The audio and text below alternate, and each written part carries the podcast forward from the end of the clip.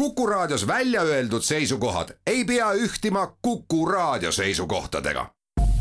Te kuulate Kuku Raadiot.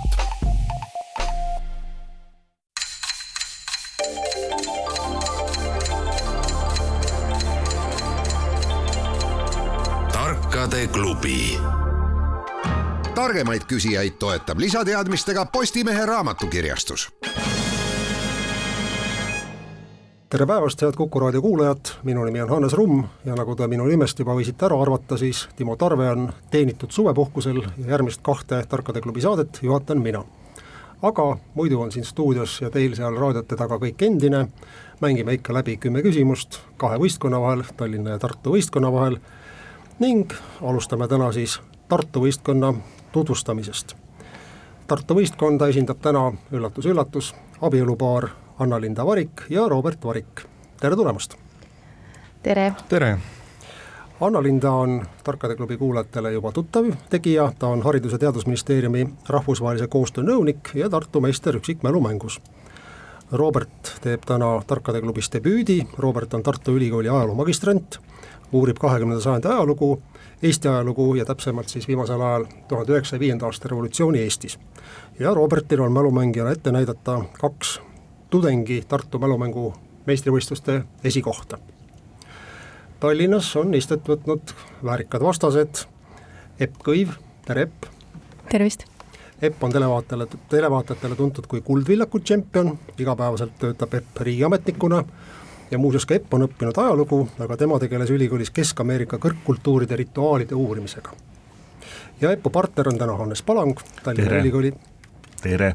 Tere Hannes, Tallinna Ülikooli geograafia prof-, geograafiaprofessor, staažikas mälumängija ja ka teda on nähtud telepildis telemälumängust Kes, kus, millal.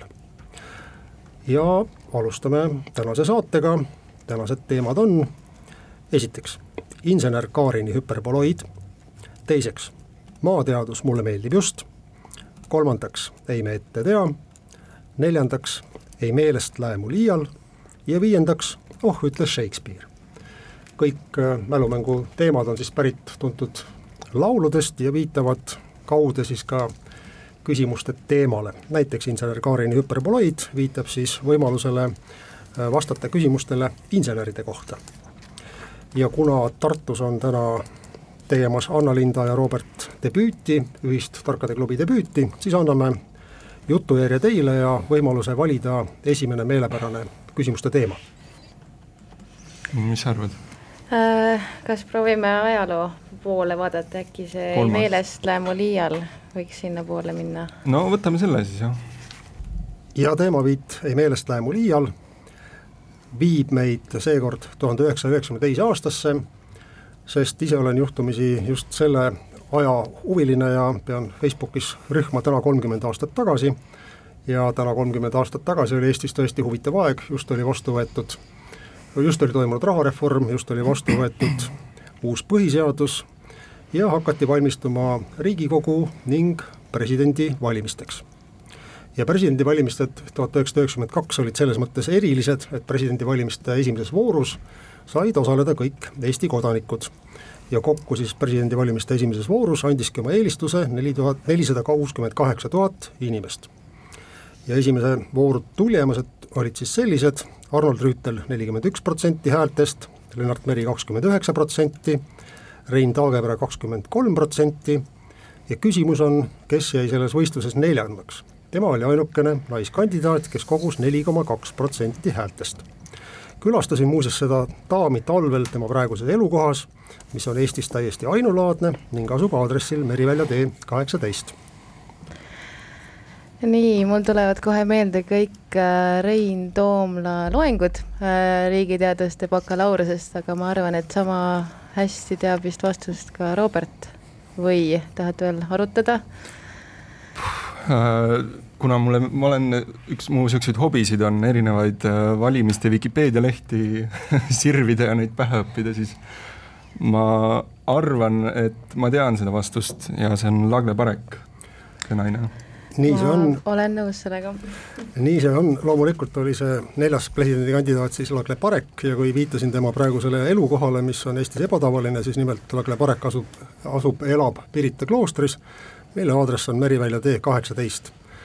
ja noorematele kuulajatele ütlen siis ka meeldetuletuseks, et kuigi esimese vooru presidendivalimistele võttis Arnold Rüütel, siis teises voorus Riigikogu häältega viiskümmend üheksa neljakümne ühe vastu valis presidendiks Lennart Meri. aga Tartu läheb juhtima ja küsimuse valib nüüd Tallinn, Epp Johannes, palun no kas jätkame ajalooga või rõhume sinu tugevustele ja no rõhume sinu tugevustele kõigepealt, vaatame, mis sellest saab. no kui sa vihjasid, et see on ajalugu, siis võtame siis ajaloo. ja tuleb teine ajaloo küsimus, mis samuti viib meid ajas tagasi kolmkümmend aastat, tuhande üheksasaja üheksakümne teise aastasse. Ja kolmkümmend aastat tagasi, juuni alguses, avaldas Riigikogu valimisteks valmistuv Rojalistide partei ajalehtedes sellised reklaamid. nüüd järgneb pikem tsitaat.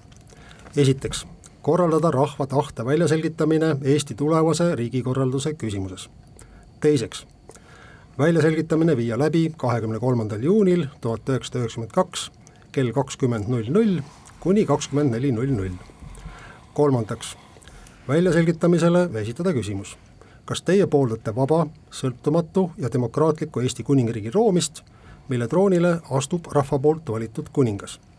neljandaks jaatavat vastust saab väljendada, punktiirjoon, ja järgnes rahva tahteavaldus Eesti Kuningriigi suhtes lugeda vastuvõetuks juhul, kui positiivne vastus antakse enam kui pooltes Eesti valdades ja linnades.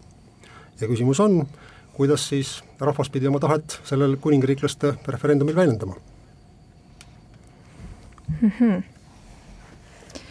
no see on, eks ole, jaanilaupäev. kahekümne kolmas juuni mm. -hmm sul on selline nägu, et sul on mingisugune mõte olemas? no tegelikult oli minu meelest see suhteliselt eh, lugu selline, et rojalistid esinesid üleskutsega, et poolthääle saamiseks tuleb tuli üles võtta mm -hmm. korralik eh, noh, lõkkega, lõkkega märku mm -hmm. anda jaanipeoga ja jaanitulega märku anda sellest, et me oleme selle asja poolt nii see tõesti oli, et rohelistid siis otsustasid korraldada sellise rahvahääletuse või mängeldes korraldada sellise rahvahääletuse, et äh, kui inimene või mõni perekond ütleb jaanilõkke, siis see tähendab, et nad on kuningriigi poolt. selles hääletamises ma vist isegi osalesin, ma kardan ma usun, et väga paljud Kuku raadio kuulajad tookord osalesid ise võib-olla seda teadmata selles rahvahääletuses. ei mäleta, aga on tõenäoline aga tulemus oli siis selline, et kuna kuningriiklaste kampaania oli väga vaimukas, siis nad šokeerisid sügisel konkurente, kogusid valimistel seitse protsenti häälest, häältest ja kaheksa kohta Riigikogus. mäng on alanud resultatiivselt, ajaloo küsimused on ammendatud, seis on üks-üks, Tartu, palun valige järgmine teema. nii, kas tahad ise valida nüüd? no võtame selle Shakespeare'i siis, ütle Shakespeare Äh, läheme siis seekord äh, teemavaldkonda ühte, oh ütle Shakespeare, kus küsimused ei ole nüüd mitte päris kirjandusest, aga ütleme nii, et kirjanduslikud. ja esimene küsimus kõlab nii. Prantsusmaa presidendi Emmanuel Macroni koer on must labrador. kui Macronid koera viis aastat tagasi varjupaigast võtsid, siis andsid nad talle nime ühe kuulsa kirjandustegelase järgi. Prantsuse keeles ilmus see teos tuhat kaheksasada seitsekümmend, eesti keeles legendaarses sarjas Seiklusjutte maalt ja merelt alles tuhande üheksasaja viiekümne kaheksandal aastal. selle raamatu peategelase nime on maailmas väga palju, väga paljudel puhkudel kasutatud. muuhulgas kandis seda nime ka üks Nõukogude Eesti ansambel. nimetage siis see ansambel või see Prantsuse kuulus kirjandustegelane hmm.. mis aastal see prantsuskeelne tuhat kaheksasada seitsekümmend. -hmm. ma kohe kirjeldust kuulates mõtlesin kohe Gavroši peale, aga tegelikult see ei klapi ülejäänud küsimusega uh,. seiklusjutte maalt ja merelt, mis seal kõik ilmus siis eesti keeles mm.? jah, Jules Verne'i teosed, aga mingisugust, ma, ma, ma hakkan kohe mõtlema mingisugustele lemmikloomadele. no aga see ei pruugi ju loom olla, ma mõtlen, siin on palju asju, millele korraga mõelda, mõtlen ka neid ansambleid mm. -hmm, mm -hmm. Uh, ansamblid uh,. jah, kukerpillid ei ole ilmselt vitamiin uh,, Fix, mis, mis, mis ansamblid sul pähe tuleb uh,? mitte ühtegi sellist, mis viiks meid lähemale aga äkki ta midagi Jules Verne'i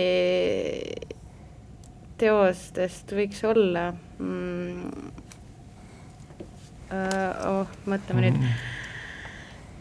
jah, ei ole just kõige aktiivsem seiklusjuttude lugeja mm. -hmm. Uh, võin teile vihiks Mm. öelda, et äh, no see ansambli nimi ei ole väga tuntud, aga selle kuulsaim solist on küll väga tuntud tänini. Ahah, ahah. Mm.. äkki mingi punkansambel uh,. punk kaheksakümnendate lõpust midagi, kus, kus ansamblis Ivo Ukivi laulis, ei. Uh, mul ei tule nimi meelde. Täiesti mäluauk. võib-olla jah ähm, no midagi võiksime pakkuda, et uh, päris mitte tühja vastuste lehte ära anda. mm, ma, ma, ma arvan, et me ei oska siin no paneme, paneme selle Gavroši ja anname võib-olla siis vastuse, vastamise Ta- Tallinnale. vastasvõistkonnale võimaluse. see jääb nüüd küll ka minu poolt kommenteerimata, kas Eestis on olemas olnud ansambel Gavroš minu teada mitte, aga Tallinn saab nüüd pakkuda omi versioone. Tallinn esitab kõigepealt vastuküsimuse, eks ole, küsiti peategelast, mitte raamatu pealkirja. jah, just, peategelast. siis on sõna Epul. ah,.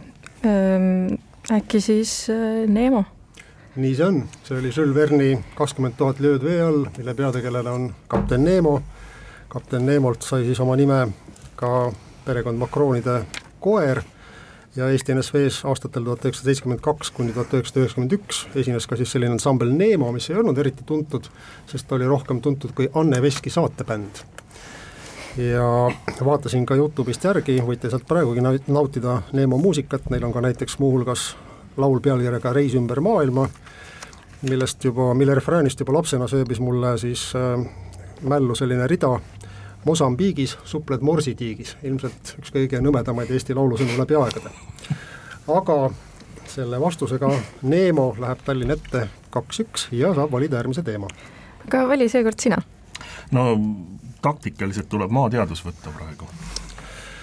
maateadus mulle meeldib just, ütleb geograafiaprofessor Hannes Palang. ja, ja paneme pinged üles. see küsimus viib meid Eestist päris, päris kaugele, Austraaliasse, North Queenslandi, kus asub väike rahvakild, millest on alles jäänud umbes tuhatkond inimest ja selle rahvakillu nimeks on Gugu Yimit Hir.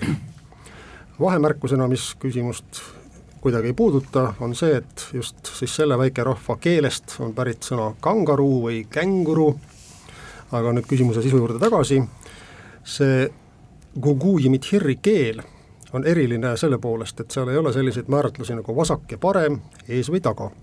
Ja küsimus on, et kuidas siis selle rahva esindajad kirjeldavad, kus nad asuvad, kust suunast midagi nende poole liigub või, või kuhu poole nemad ise peaksid liikuma. see on pigem nagu keele küsimus, mitte geograafia küsimus. ma olen justkui midagi sellest kunagi kuulnud, et Austraalias on mingi rahvus, kes kuidagi sisetunde kaudu juba teab, kus on põhi ja kus on lõuna. no vot just, ainuke võimalus, kui sul ette ja taha parem-tagasi ei ole, siis on ilma kaarte järgi. jah, jah. Aga, aga ilma kaarte järgi tegelikult noh, mm, küsimuse sisu oli see, et keeles ei ole sõnu, eks ole, sest Mhm. ameeriklased näiteks juhatavad ka ju, kuna nende teede ja tänavate võrk on orienteeritud põhja-lõuna -hmm. suuna järgi, siis mm, -hmm. siis nemad ka juhatavad et sõida sealt põhja poole, sõida sealt lõuna poole, aga noh, minu meelest see on täiesti loogiline vastus. Mitte ainult, et loogiline, vaid see on ka õige vastus. suurepärane. tõepoolest, siis äh, see on selline väikerahvas, kelle puhul esimesena maailmas avastati, et ähm, nemad orienteeruvad maast madalast ilmakaarte järgi ja põhjus, miks nad seda teevad, on siis see, et kunagi siis Gugu Imithirri rahvas elas sellisel kitsalt määratletud alal, et põhjas oli üks suur jõgi, lõunas oli teine suur jõgi ja siis lapsed kuulsidki ema-isa käest, et äh, et kaev asub põhjas ja sinu poole roomab madu lõunast, ehk siis mitte siis selja tagant või vasakult või paremalt ja hiljem on selliseid keeli avastatud ka Filipiinidelt, Mehhikost ja Namiib-, Namiibiast. aga Tallinn rebib kolm-üks ette ja et Tartu debütandid Anna-Linda ja Robert saaksid veidi hinge tõmmata, kuulame ära reklaami.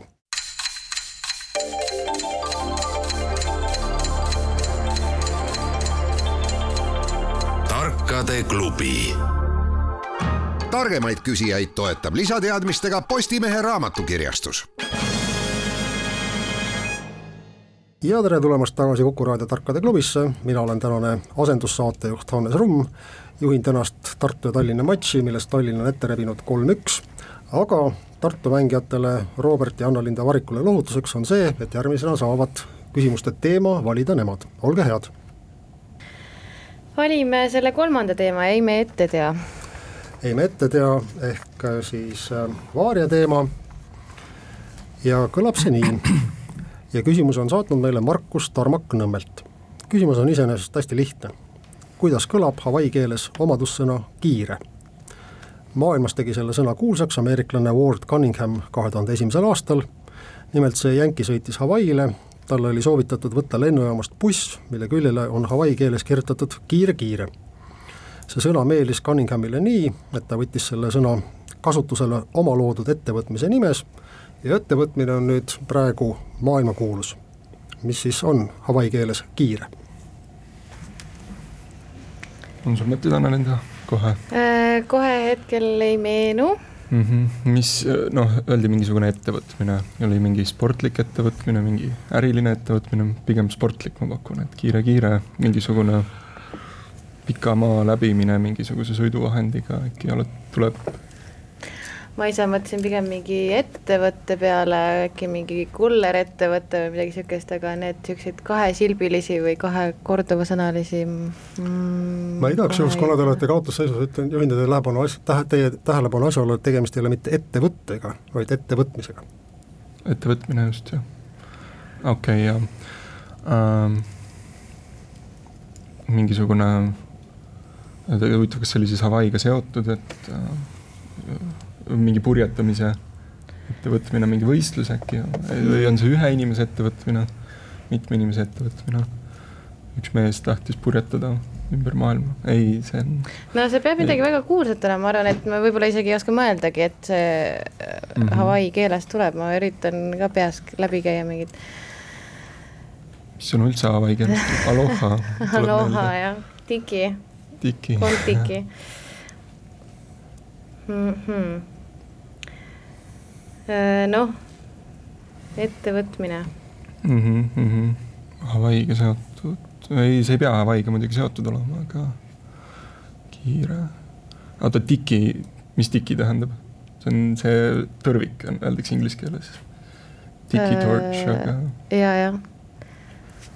äkki, äkki ongi see, ma ei tea. ei usu, ma arvan, et ähm, noh, okei okay, äh, mul tuli miskipärast meelde tuk-tuk, aga see ei ole ju Hawaiilt aga noh, see on jällegi transpordivahend ja, ja seotud mingil määral kiirusega. aasta.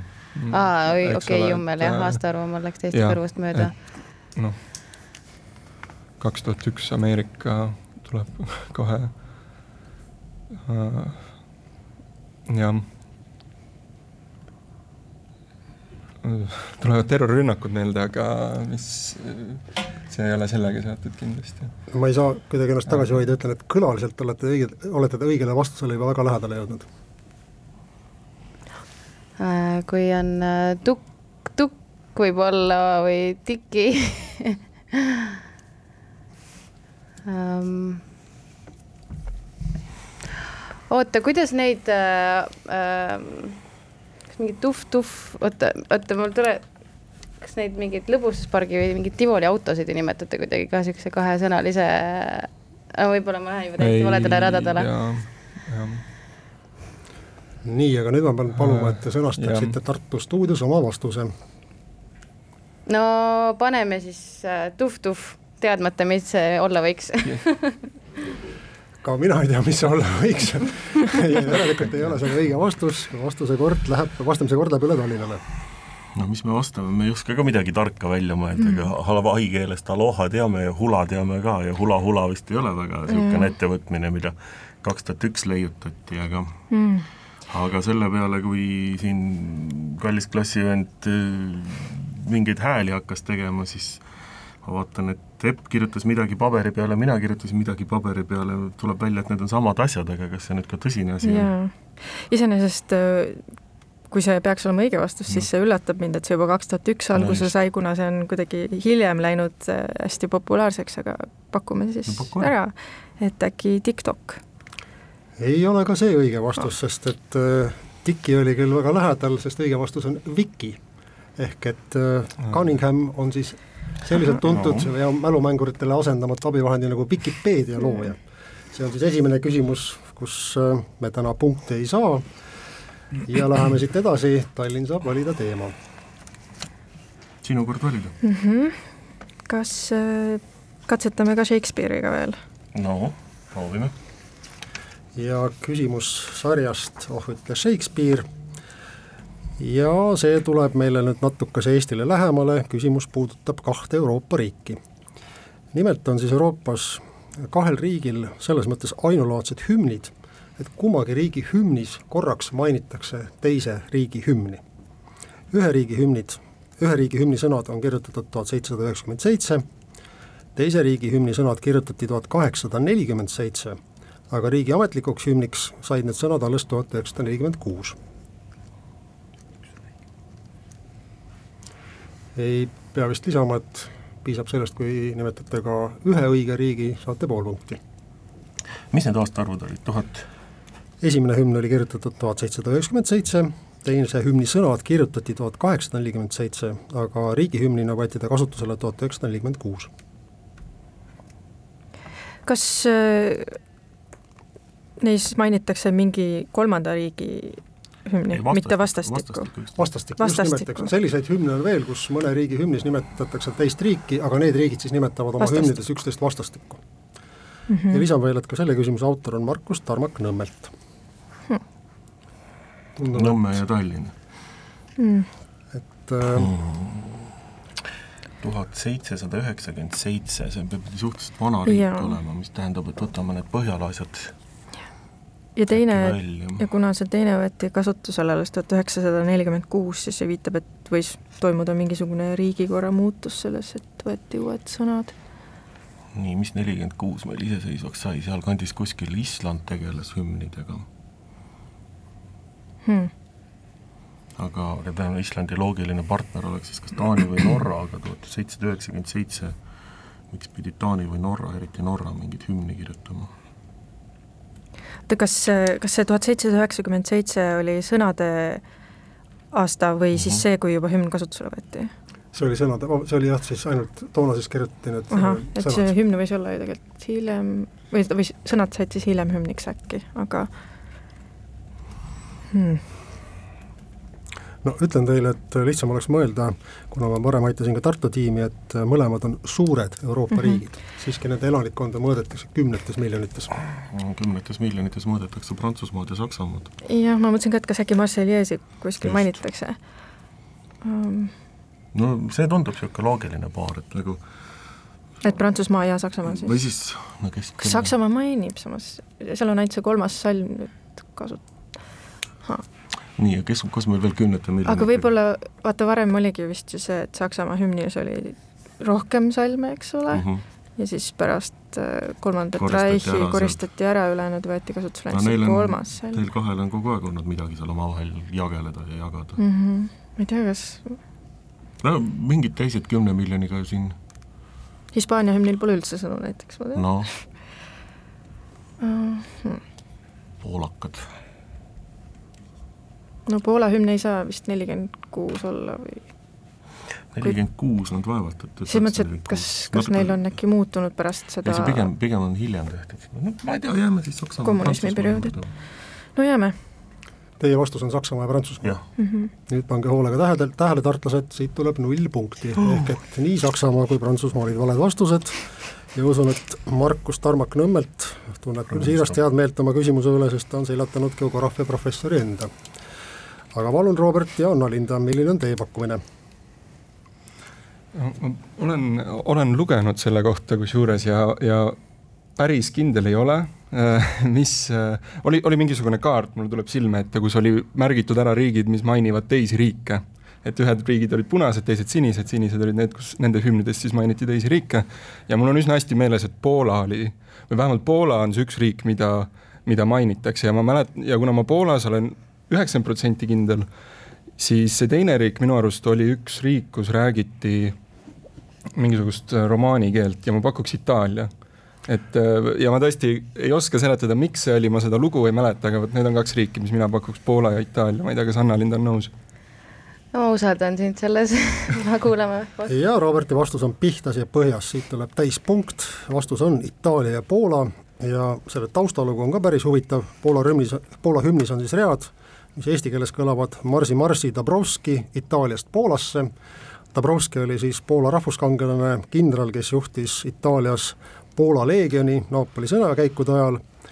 Ja India hümni, vabandust, mitte India, Itaalia hümni viiendas salmis mainitakse siis Poola vabaduspüüdlusi ja võrreldakse neid Itaalia vabaduspüüdlustega, need sõnad on siis pärit üheksateistkümnenda sajandi keskpaigast, aga pärast teist maailmasõda, nii nagu Epp ütles, muutus riigikord, võeti kasutusele hümn ja selle suurepärase vastusega Tartu muudab mänguseisu märksa pingelisemaks, kaks-kolm Tartu poolt vaadates ja Tartu saab valida ka järgmise teema. kas äh, võtame uuesti jah, selle eime ette tea äkki mm. -hmm. niimoodi, eime ette tea ehk vaaria küsimus. ja see on nüüd tõesti väga vaaria küsimus. kõlab see nii. Eestis valitakse väga erinevate valdkondade parimaid tegijaid, alates moosikeetjatest kuni parimate koduveinide tegijateni. aga tänavu talvel võitis ühe konkursi Johannes Haasma nimeline mees konkurss oli väga äge, seal rebis parima tiitli pärast kolmsada nimetust ühte küsitavat toodet. Neid tooteid hinnati lähtuvalt kolmeteistkümnest kriteeriumist, näiteks pidi Haasma võidutöö lisaks väga kõrgele toiteväärtusele, heale hügieenile ja väga heale seeduvusele olema ka õnnestunud fermentatsiooniga. aga etanoolisisaldus pidi jääma alla kümne grammi ühe kilo kohta. küsitavat asja kasutati juba Vana-Kreekas aga tänapäevasel kujul leiutati see tuhande kaheksasaja seitsmekümne kolmandal aastal USA-s. vastuseks sobib sõna, mida mõnikord kasutatakse ka siis, kui jutuks on hoopis vilets avalik haldus mm.. no anna enda, sa tegid märkmeid, mis mõtteid sul on? Mm, iga uue märksõnaga mul tuli uus mõte pähe, nii et ega ma seost nagu nende vahel ei, ei, ei suutnud kohe leida vilets avalik haldus mm. -hmm, mm -hmm. noh, sina töötad no Kohas. ma ei tea, ma tegelen ainult suurepärase avaliku haldusega mm. äh, issand jumal ähm,, etanoolisisaldus peab väga madal olema, ma mõtlen, et äkki etanool ilmselt siis äkki peab nagu noh, mõtlesingi, et nimelt alkoholivabad õlled näiteks, sest et need on ju ka nagu mingis mõttes justkui mhm. fermenteeritud tehtud, aga no toiteväärtus jällegi, miks siis, miks siis nagu siin oluline on, et ähm, ja noh, alkoholivabas õlles on ka ju madal protsent äh, mm -hmm. õlut või seda alkoholi tähendab siis ähm, ja noh, kui mõelda, et nagu mingi sihuke käsitöö õllekultuur, aga USA-s on väga popp, ma ei tea, see võib-olla läheb ikkagi valedele radadele mm,. kipun ka arvama, kolmsada no, noh, see ja. konkreetselt kolmsada ühikut, mingit asja, eks ju, tehti, see oli jah, sellega või, kas see oli kolmsada oli, et kolmsada erinevat me... jah, toodet siis kandideeris toodet. sellele, sellele võidutiitlile. okay.. aa, okei okay,, jah. No.. Vana-Kreekas, no ma väga kahtlen, et Vana-Kreekas mingit alkoholivaba yeah. jah, märjukest tehti. Et see on mm -hmm aga, aga moodne versioon tuhande kaheksasaja seitsmekümnendatest, eks ole um,, noh, tol ajal leiutati palju asju, mida me tänapäeval nagu mm -hmm, peame mm -hmm. tavaliseks mul tuli, margariin tuli korra pähe, aga see on täiesti, see leiutati vist juba varem, ma ei tea. aga noh, ta, see margariinivõistlused, see jah, kõlab veel kummaliselt. see oleks jah um,. no su-, aga jällegi hügieen, hügieen äh, tekitab kohe küsimusi, et, et noh. seep. ei, toiteväärtus. aa, toiteväärtus, jah ähm. nii, aga. Nüüd olete saanud mõelda, kõik vihjed olete läbi arutanud kuuldavalt, saate kuulajate jaoks need üle korranud, pean paluma, et sõnastate nüüd mm. oma vastuse kardan, et meil ei tule midagi paremat kui alkoholivaba ikkagi õlu. jah, noh, paneme siis selle. see paraku Või... ei ole õige vastus ja nüüd vaatame huviga, kas Epp Tallinnas, kes on ju ka riigiametnik, kas tema tunneb halba avalikku haldust erinevat Haridusministeeriumi töötajast konkurendist et ma tahtsingi selle kohta täpsustust küsida, et, et, et selle toote nimi siis, seda kasutatakse siis, kui haldust tehakse kehvasti või? jah, on üks selline levinud rahvusvaheline kõnekäänd, et kui räägitakse avalikust haldusest, siis kasutatakse selle toote nime. et, et kõik saavad nii, nii inglise kui eesti keeles sellest aru, kui halvast, halvast avalikust haldusest. ahah see tõmbab maha see meie tõmbab kaks, meie geni-, kaks maha, geniaalset jah. mõtet, millest esimene oli oli aastal tuhat kaheksasada seitsekümmend kolm USA-s leiutatud juust ja teine oli aastal tuhat kaheksasada seitsekümmend kolm USA-s leiutatud hapukurk. jaa. mõnikord kasutatakse sõna juust halvustavas tähendusega, siia konteksti see tõesti ei sobi. siia ta ei sobi ja hapukurk, eks ole, läheb ajakirjanduse kapsaaeda, aga avalikku haldust hapukurgiga. siis see peab olema ju ometigi mingisugune rahvusvaheline sõna, eks No just. ole, mis sobib nii eesti kui ingliskeelsesse konteksti. Meil on ka mõttepaus selle koha peal täiesti no kenasti. vähemalt see andis täitsa uue suuna nii, aga samas, kui te käsitöölised teevad seda, seal on fermentatsioon, toiteväärtus, see küsimuses ei ole öeldud, et seda teevad käsitöölised. ei, seda noh, kui kolmsada toodet tuuakse konkursile Eestis, siis seda ikkagi korralikult ja vanas Kreekas juba tehti seda. keefir. ma ei tea, suitsuvorst, maksavorst, see läheb aina käest ära meil etanoolisisaldusega. no nii, no Tartu, Tartu mõtles välja. Tartu mõtles välja, äkki mõtleme meie ka välja. siiski, siiski ka tundub, et haridusministeeriumi töötaja sai aru, mis tähendab halb avalik haldus mõningase viiteajaga. me loodame, et see ei ole no ma ei tea, mina vist tean ainult head avalikku haldust tõesti. no kuidas seda nimetatakse? nii nimetataksegi. anti, või tähendab aine ja antiaine. No nii, aga nüüd pean ka Tallinna Jaa, tiimilt paluma, et sõnastaksite oma pakkumise, olgu see siis äkki mingisugune vorst või midagi või? ma ei tea, ütlen ausalt, mina ei tea. jah, me, me jääme vist vastuse võlgu seekord. küsin huvi pärast Anna-Linda, et mille sa oleksid tagantjärgi tarkusega pakkunud? Kas see võib olla silo? see on silo. just. silo on ju selline toode, mis on orgaaniliste hapete, peamiselt piimhappe toimel konserveerunud haljas mass mm -hmm. ja see konkurss oli tõesti väga pingeline, mille võitis Johannes Haasmaa, sest seal osales kakssada viiskümmend kaks sorti rohusilo, viiskümmend kolm sorti maisisilo, sorgosilo, rukkisilo, kaerasilo ja avalikus halduses räägitakse siis silost selles mõttes, et kui riigiasutused ei tee omavahel koostööd, siis nad töötavad silotornides. nii et seis on jätkuvalt kolm-kaks Tallinna kasuks, aga kuna viimane küsimus võttis vastajad võhmale, siis teeme väikese pausi, kuulame ära reklaami ja läheme siis saate lõpuspurdiga edasi.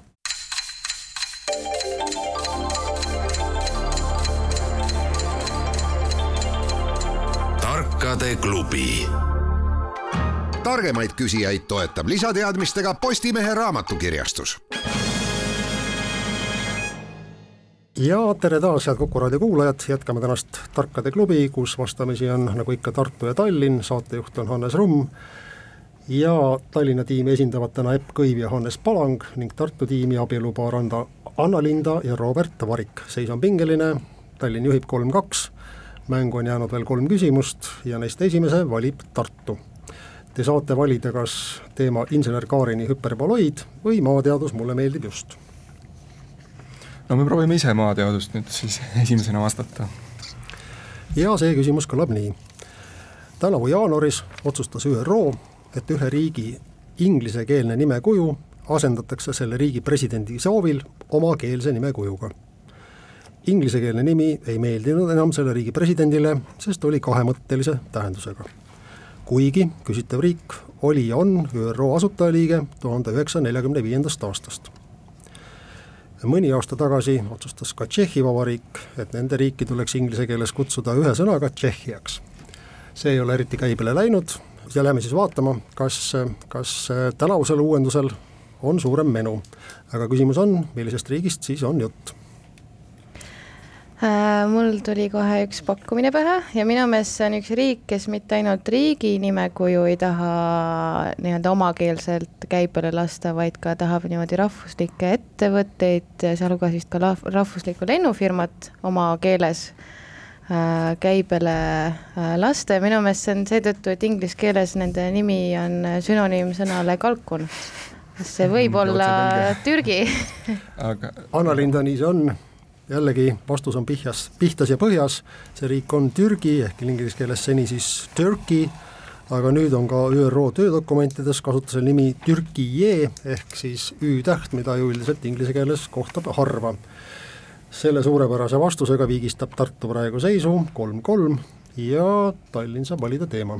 aga oh, valikut kas me valime insener Kaarini või valime insener Kaarini? võtaks selle Kaarini siis. no võtame Kaarini. Niimoodi, alustame siis mängu jäänud kahe insenerküsimusega ja esimene neist kõlab niimoodi kahe tuhande neljateistkümnendal aastal avastasid Hispaania insenerid kohutava arvutusvea, mille nad olid teinud. nimelt selgus ühe töö käigus, et algselt kahe tuhande tonniseks planeeritud toote kaal suureneb arvutusvea tõttu sada tonni. lisakaal oleks muutunud, muutnud ehitatava objekti kasutuskõlbmatuks. Seepärast kulus vea parandamiseks miljoneid eurosid ning küsitavat pole päris tänini valmis saanud Eestis pole selliseid asju kunagi valmistatud, aga Eesti riigile on neid kuulunud ajaloos kaks.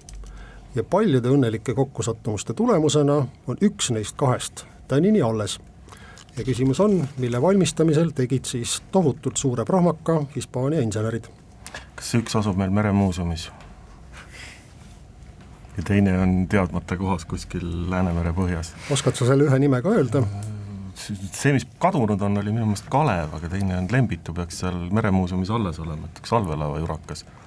nii ta on, Hannes, Hispaania insenerid hakkasid tegema siis nelja ülimoodsat allveelaeva tüüpi, tüübi nimega S kaheksakümmend, tegid sealjuures kohutava suure prohmaka ja üks allveelaev on neist nüüd juba siis ka vette lastud, teda testitakse, järgmisel aastal peaks olema ta lahingukõlbulik aga nagu sa ütlesid, Eesti riigile on kuulunud läbi ajaloo kaks allveelaeva, tuhat üheksasada kolmkümmend seitse siis telliti ja saadi Inglismaalt kätte allveelaevad Lembit ja Kalev ja Lembit on tõepoolest täiesti ainulaadsena ka säilinud Siemere muuseumis väljas. ja Tallinn rebib neli-kolm ette ja Tartule jääb esimesena vastamiseks tänane viimane küsimus. ja see küsimus kõlab nii.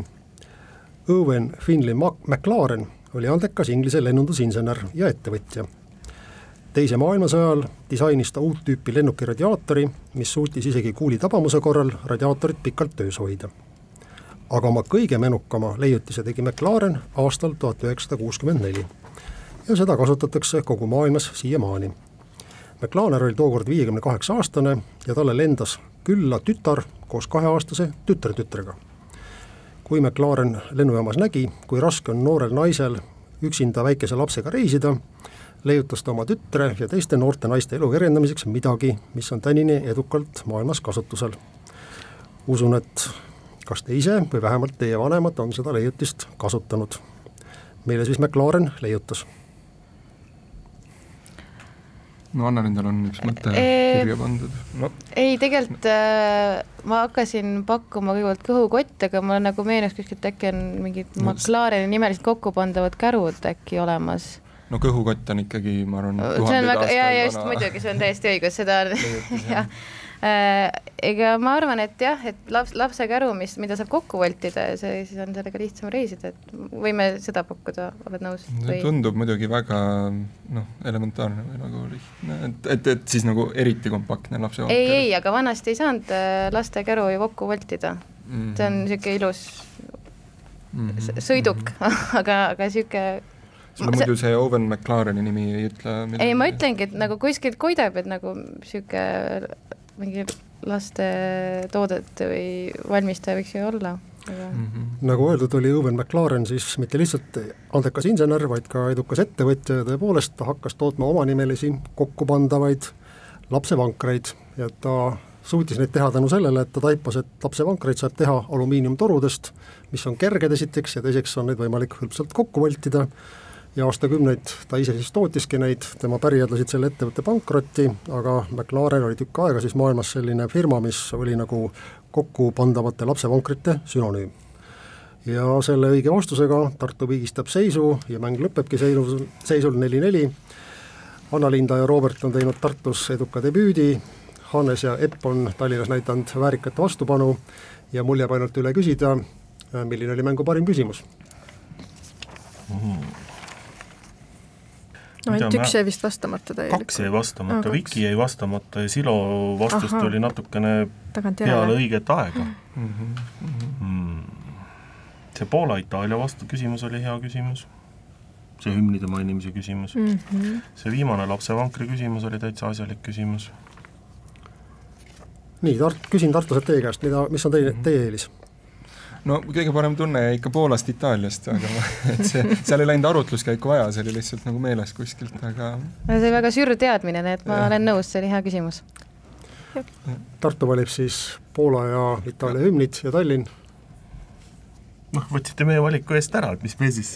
no kui, kui me Aa, ma võtame. mõtlesin, me peame koosmeelele jõudma kui me võtame aluseks selle, et, et mis meil hästi läks, siis võtame selle Austraalia küsimuse hoopis oo, no võtame selle, see oli ka tegelikult. see on ju vahva teadmine. see on ka hea teadmine, jah. nii et siis äh, Austraalia hõim, kes ei, kes orienteerub maast madalast ilmakaarte järgi ja Itaalia ja Prantsusmaa hümn, mis siis üksteist nimet-, vastastikku kasuta-, nimetavad ja õnnitleme siinkohal siis Markus Tarmakut Nõmmelt, kes on ühe parima küsimuse autor, tänan kõiki tänaseid mängijaid, tänan kõiki tänaseid kuulajaid ja kohtumiseni juba järgmisel laupäeval, vaatame siis, kes tänastest tiimidest peale jääb.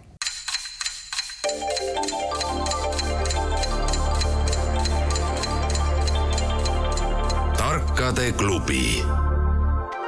Targemaid küsijaid toetab lisateadmistega Postimehe raamatukirjastus